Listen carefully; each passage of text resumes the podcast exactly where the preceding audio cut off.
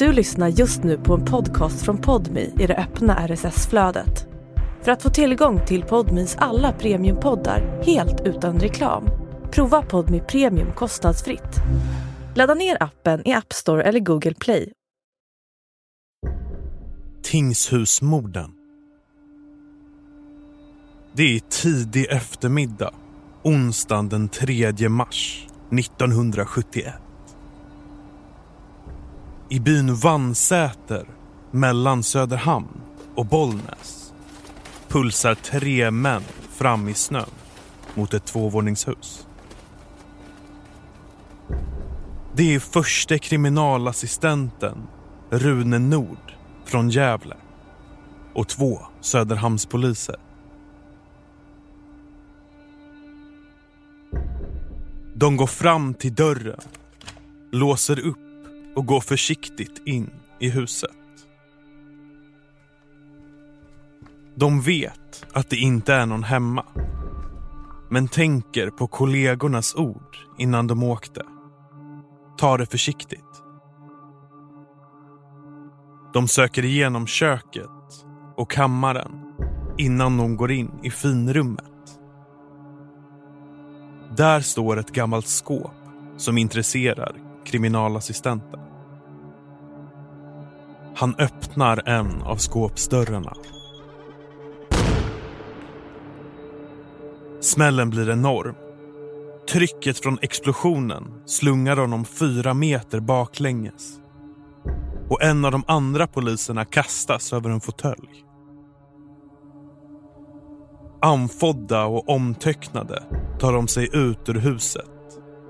Och med snö upp till knäna ser de på när huset, till ljudet av flera smällar, förvandlas till ett eldhav.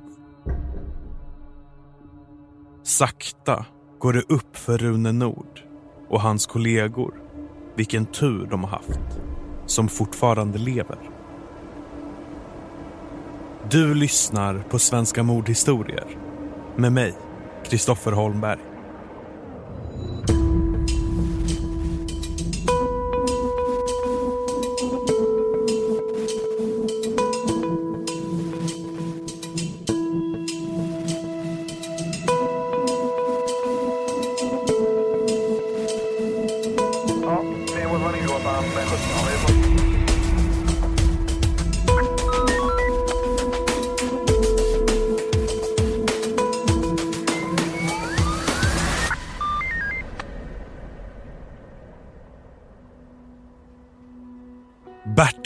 Jason får tidigt lära sig att göra rätt för sig när han växer upp under 1910-talet.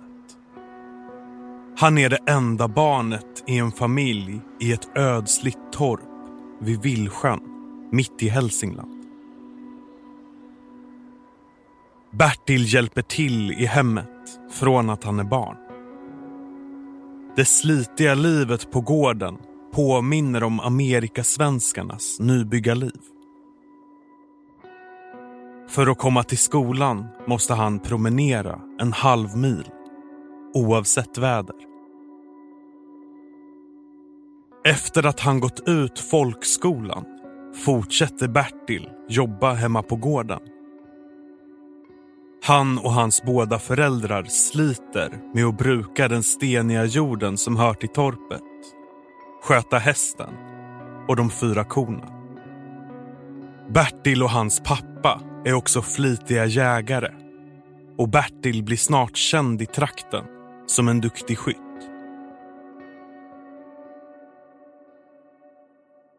Bertil bor kvar hemma hos sina föräldrar så länge de lever. Någon egen familj verkar han inte vara intresserad av att bilda. Han hade en flickvän under det året han gjorde lumpen. Men den upplevelsen verkar ha avskräckt honom från fler romanser. 1963 är Bertil 53 år och har samlat på sig en mindre förmögenhet efter ett halvt sekels flit och sparsamhet. Nu när båda hans föräldrar gått bort köper han en gård med mark i utkanten av Vannsäter någon halvmil från barndomshemmet.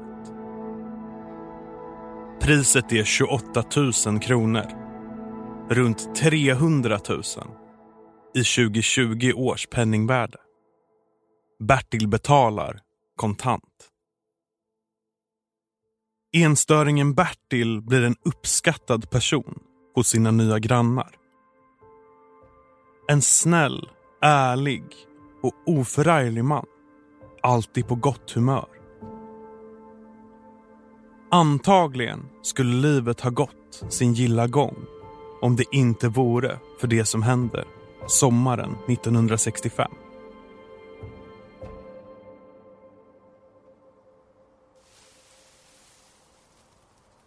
Lördagen den 10 juli håller Bertil på att skörda hö när en stilig kvinna kommer fram till honom. Hon presenterar sig som Kristina och berättar att hon letar efter en gård att köpa. Bertil tipsar henne att granngården säkert är till salu. Den 61-åriga Kristina har haft en blomsteraffär i Stockholm. Men nu vill hon bo på landet och odla jordgubbar.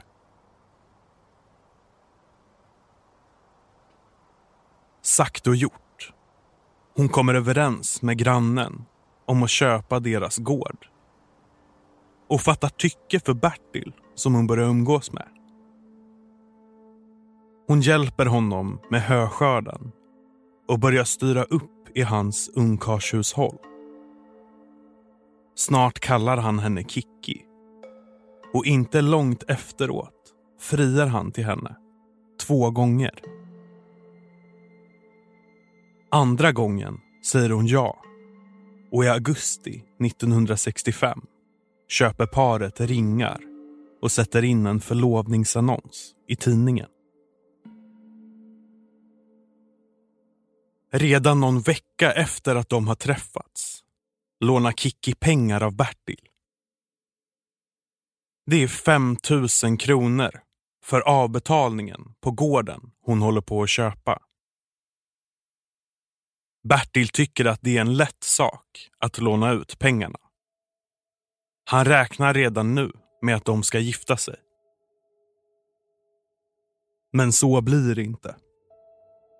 Trots att Kikki flyttar in hos Bertil och trots att prästen påannonserar deras kommande bröllop vid gudstjänsten den 21 november 1965 vill Kikki skjuta på bröllopet. Det har trasslat till sig kring byråkratin med granngården hon vill köpa. Istället köper Bertil gården. När han får lagfarten i handen i juni 1966 är parets relation redan på väg att ta slut.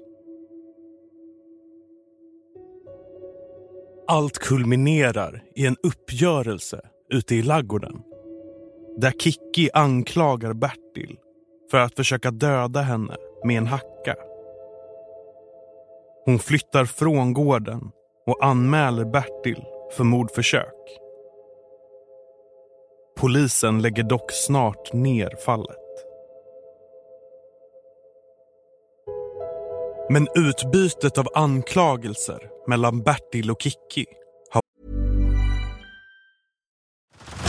Head over to Hulu this March, where our new shows and movies will keep you streaming all month long. Catch the award-winning movie Poor Things, starring Emma Stone, Mark Ruffalo, and Willem Dafoe. Check out the new documentary, Freaknik, The Wildest Party Never Told, about the iconic Atlanta Street Party. And don't miss FX's Shogun, a reimagining of the epic tale, starring Anna Sawai. So, what are you waiting for? Go stream something new on Hulu.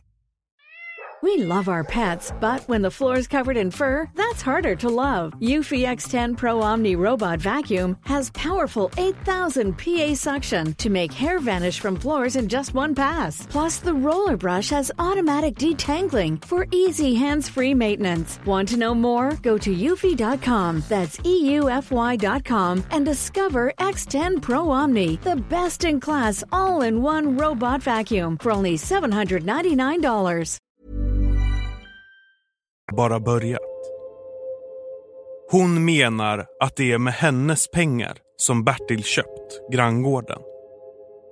Dessutom finns dyrbara smycken och andra ägodelar hemma hos Bertil som han inte låter henne hämta, säger hon. Han och sin sida menar att smyckena är pant för alla de pengar Kikki har lånat av honom. Han anklagar henne dessutom för att ha stulit ett par värdefulla frimärken som försvunnit under ett besök de gjort i hans barndomshem vid Villsjön. Snart avlöser anmälningarna varandra. En nästan fem år lång process har påbörjats.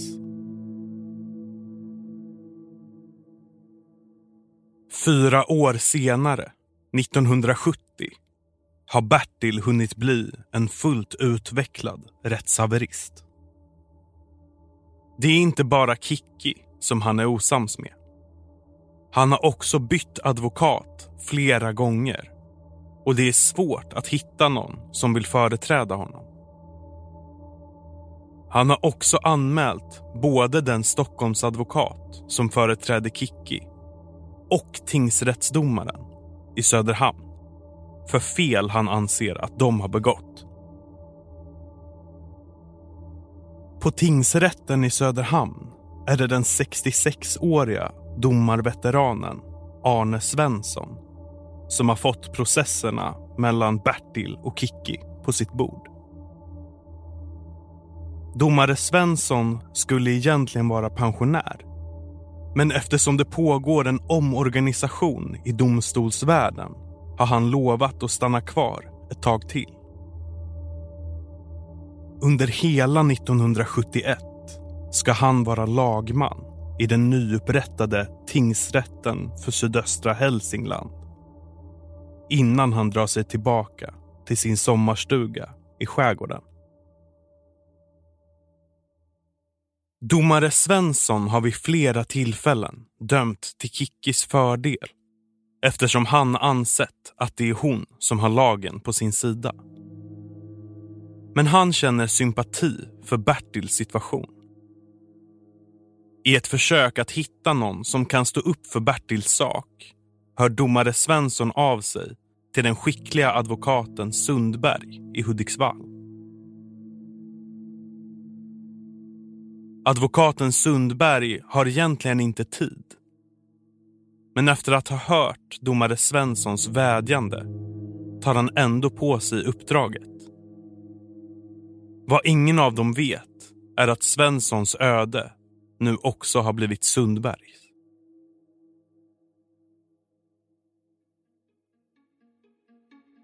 Den minst sagt röriga tvisten har delats upp i två separata rättsprocesser.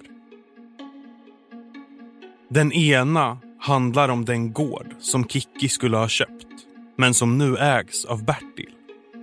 Om de pengar som Bertil anser att han lånat ut i samband med detta. Och de smycken han håller kvar som pant. Det andra målet, som skjutits lite på framtiden, handlar om resten av Kikkis ägodelar hemma hos Bertil och om de försvunna frimärkena han anklagar henne för att ha stulit. I det första målet får Kikki framgång i tingsrätten under domare Arne Svenssons klubba. Medan Bertil får en lite bättre utdelning i hovrätten. Då går Kikki vidare till Högsta domstolen. I februari 1971 kommer Högsta domstolens dom som är en kalldusch för Bertil. Förutom att han måste lösa ut Kikki från granngården för 8 250 kronor och lämna tillbaka hennes smycken åker han på rättegångskostnader på 11 800 kronor. Totalt motsvarande cirka 90 000 kronor i 2020 års penningvärde. Bara en vecka senare, den 1 mars, är det dags att ta tag i den andra delen av tvisten. Om Kikkis ägodelar som är kvar hemma hos Bertil och om frimärkena. Domare Svensson har kallat till ett förberedande möte den 1 mars för att underlätta den kommande processen. Även om man inte har så stora förhoppningar om att det kommer att bli ett enkelt mål att leda. Måndagen den 1 mars 1971 är den gångna helgens snökaos det stora samtalsämnet i Hälsingland. Söderhamn ligger inbäddat i ett tjockt lager snö. I tidningarna rapporteras det om bilolyckor och om den pågående konflikten mellan akademikernas fackorganisationer och deras offentliga arbetsgivare. Tågen står stilla. Militärövningar är inställda. Och på tingshuset i Söderhamn är alla jurister hemma förutom domare Arne Svensson. Han har fått dispens att arbeta för att kunna leda dagens förhandlingar. Efter att ha funderat lite på saken bestämmer sig domare Svensson för att inte ha med sig den sekreterare som han först tänkt skulle föra protokoll. Han vill helt enkelt inte att hon ska bli indragen i någon av Bertils alla anmälningar och stämningar. Bertil har varit uppe tidigt på morgonen eftersom han ska få skjuts med en granne som jobbar inne i Söderhamn. De småpratar lite i bilen och Bertil kommer överens med grannen att de ska åka hem tillsammans på eftermiddagen.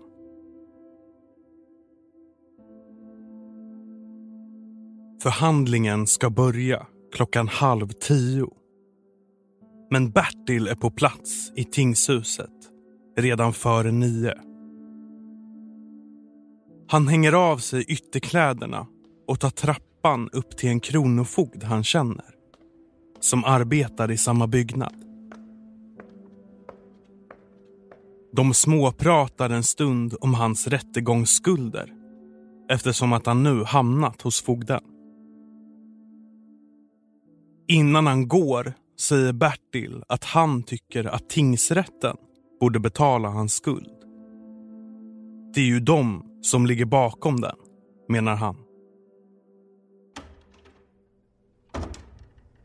Klockan har passerat halv tio när Bertil kommer ner till de övriga fyra förhandlingsdeltagarna som väntat på honom. Han hälsar hjärtligt på sin advokat Sundberg som han till skillnad från sina tidigare advokater betraktar som en vän. För ordningens skull hälsar han också på domare Arne Svensson. Kicki och Stockholmsadvokaten som företräder henne låtsas han inte om. Precis när de ska sätta sig ner vänder sig Kikki mot Bertil och ger honom en grimas. Nu ska du få dig en omgång till, Bertil, säger hon.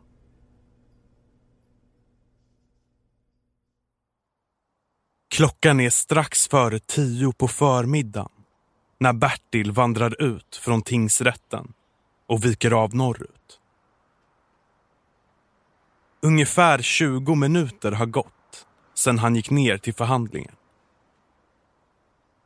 Han går fram till två män som står och skottar snö och frågar dem om bron till Forsbacka, några kilometer bort, är framkomlig med tanke på snöstormen. De säger att bron antagligen blir svår att ta sig över. Bertil gör ett försök ändå. En lång promenad senare har han tagit sig över och går in i en butik i Forsbacka och köper polkagrisar. Han har bestämt sig för att gå hem till sin kusin, Nisse, som bor en bit bort och vill ha med sig karamellerna till kusinens hustru. När kusinen Nisse öppnar dörren lägger han märke till att Bertil har blod på hakan. Men det är inget han funderar speciellt mycket över. Istället frågar han hur det gick i tingsrätten. Nu har de fått sig en riktig avhyvling. Det här var sista rättegången med ett sånt gäng, svarar Bertil.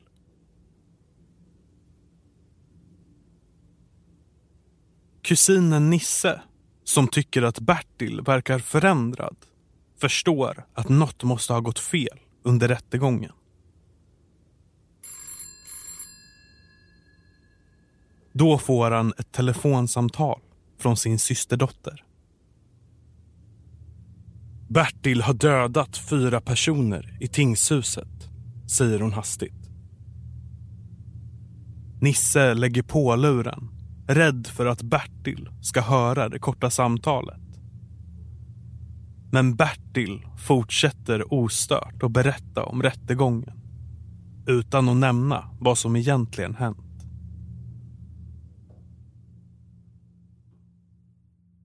Inne i Söderhamn rådde totalt kaos. Det börjar med att sekreterarna på tingsrätten hör skottlossningen och ser sin egen chef, domare Arne Svensson, ligga livlös på golvet i korridoren utanför sammanträdesrummet. Sekreterarna låser in sig i ett rum men en av dem råkar hamna öga mot öga med Bertil när hon ska ta sig ut för att ringa larmcentralen. Hon hinner dock låsa in sig innan något händer. Först efter att de har förstått att Bertil inte längre är kvar i byggnaden vågar kanslisterna sig ut. Då hittar de också de andra tre mötesdeltagarna. Advokat Sundberg ligger på golvet inne i tingssalen som angränsar till sammanträdesrummet. Medan Bertils före detta fästmö, Kikki, och hennes advokat sitter kvar i sina stolar. Varken tillkallad ambulans eller läkare kan göra något. Alla fyra är döda.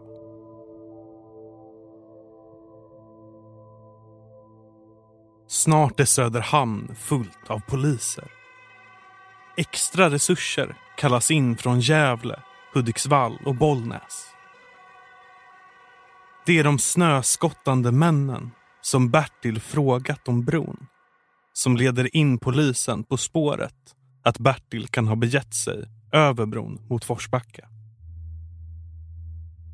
Och eftersom Bertil efter åren av processer är en välbekant person hos Söderhamnspolisen känner man till var hans kusin Nisse bor.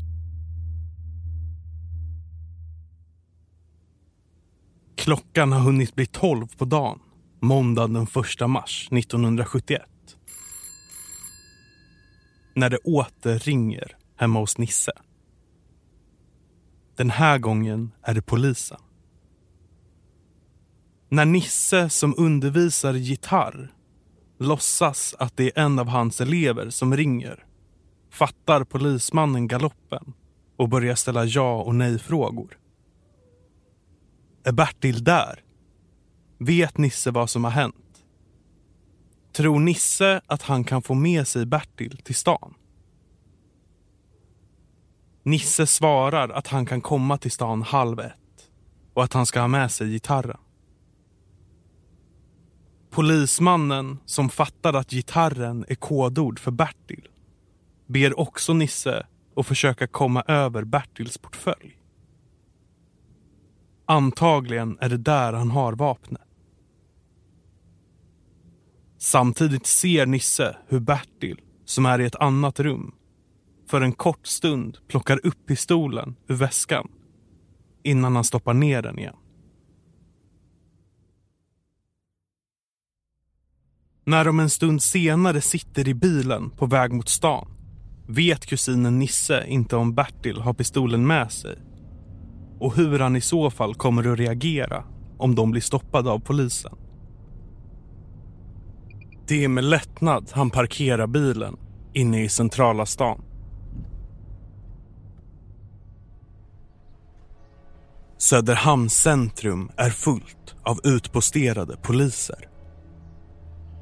När Nisse ser sig om efter någon som kan gripa kusinen tappar han bort Bertil. Men polisen som har sett hur denne gått in på Domus och tagit trappan upp mot Domus-restaurangen rusar efter. De hittar honom utanför den lilla expedition som Söderhamnspolisen har på samma övervåning. Bertil, som har knackat på den tomma lokalen, berättar att han är redo att överlämna sig. Pistolen finns kvar i Forsbacka, bedyrar han. Det visar sig stämma och polisen kan gripa den efterlysta mördaren. De konstaterar att han nu verkar lugn och tillfreds. Äntligen har rättvisa skipats, förklarar han. Nu har jag fått frid i sinnet.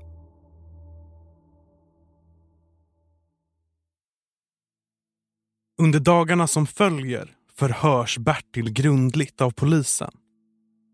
Han är väldigt pratsam och vill hela tiden prata om de senaste fem årens rättsprocesser istället för den ödesdigra förhandlingen. Men undan för undan börjar hans berättelse om vad som hänt inne på tingshuset den 1 mars 1971 ta form. Åter i domstolen den 1 mars 1971. Bertil, hans exfru Kikki och advokaterna är precis på väg att sätta sig ner vid förhandlingsbordet. När något plötsligt händer som får Bertil att tappa besinningen. Han får ögonkontakt med Kikki som gör en ful grimas mot honom. Nu ska du få dig en omgång till Bertil, väser hon till honom. Enligt Bertils berättelse skriker han till svar att hon ska plocka fram frimärkena och att det nu ska bli ett slut på allt processande. Samtidigt drar han upp sin pistol ur bakfickan.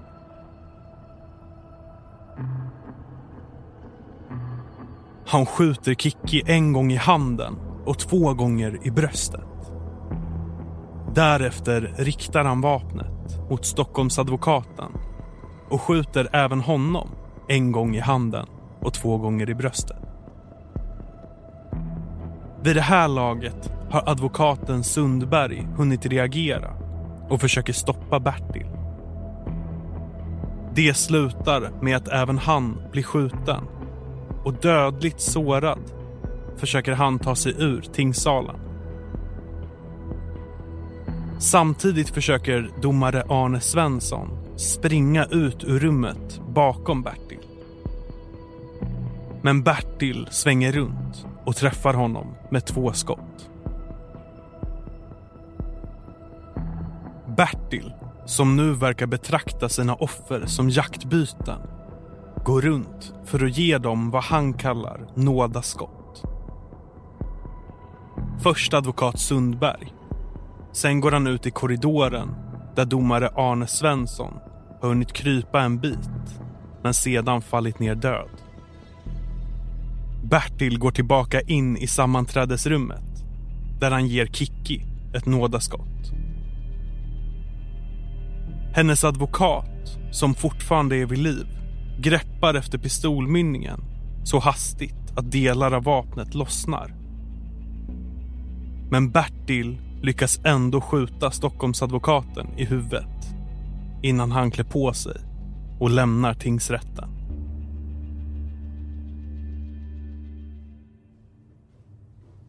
I förhörsrummet berättar Bertil att han köpt pistolen många år tidigare av en sjöman.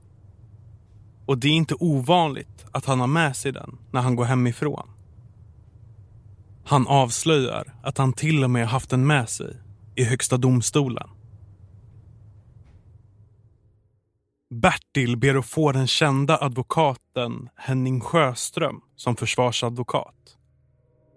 Och när häktningsförhandlingen inleds på Rådhuset i Söderhamn tre dagar efter morden är denne på plats. Det är en speciell känsla för kändisadvokaten.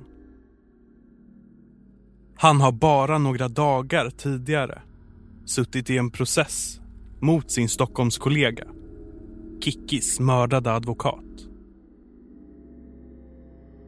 Vad Bertil inte känner till är att hans hem har brunnit ner till grunden kvällen innan. Bertil hade minerat huset och när polisen kom och skulle göra husrannsakan sprängdes hans fällor. Det skapade en brand som inte gick att stoppa. Polisens teori är att sprängladdningarna varit riggade för att skydda mot tjuvar som Bertil befarade skulle dyka upp medan han var i rätten. Bertil är fullt fokuserad på att förklara för tingsrätten som nu av förklarliga skäl försetts med en ny domare vilka orättvisor han har tvingats utstå de senaste fem åren. Först efter förhandlingen får Bertil höra från sin advokat Henning Sjöström att det varit en explosion på hans gård. Vad hade de där att göra? blev hans kommentar. Den 10 augusti inleds rättegången mot Bertil i Söderhamns rådhus. Inte i tingshuset. Tingsrätten har kommit fram till att det inte är lämpligt att ha förhandlingen på mordplatsen. Den första rättegångsdagen, när åklagaren ska lägga fram sin sak för rätten avbryter Bertil honom flera gånger och ber honom skynda på. Men resterande rättegångsdagar är det Bertil som pratar. Han pratar faktiskt så mycket att rättegången drar över den planerade tiden med en hel dag. Bertil har under tiden i häktet genomgått en rättspsykiatrisk utredning som kommit fram till att han utfört brottet under allvarlig psykisk påverkan. Bertils advokat, Henning Sjöström, pläderar dock för att Bertil ska dömas till fängelse för dråp. Men så blir det inte.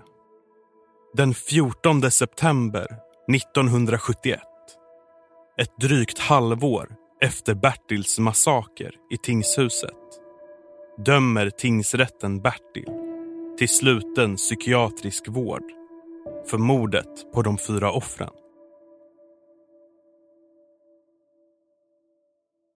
Efter cirka tio års inlåsning på rättspsykiatrisk avdelning släpps Bertil i början av 80-talet.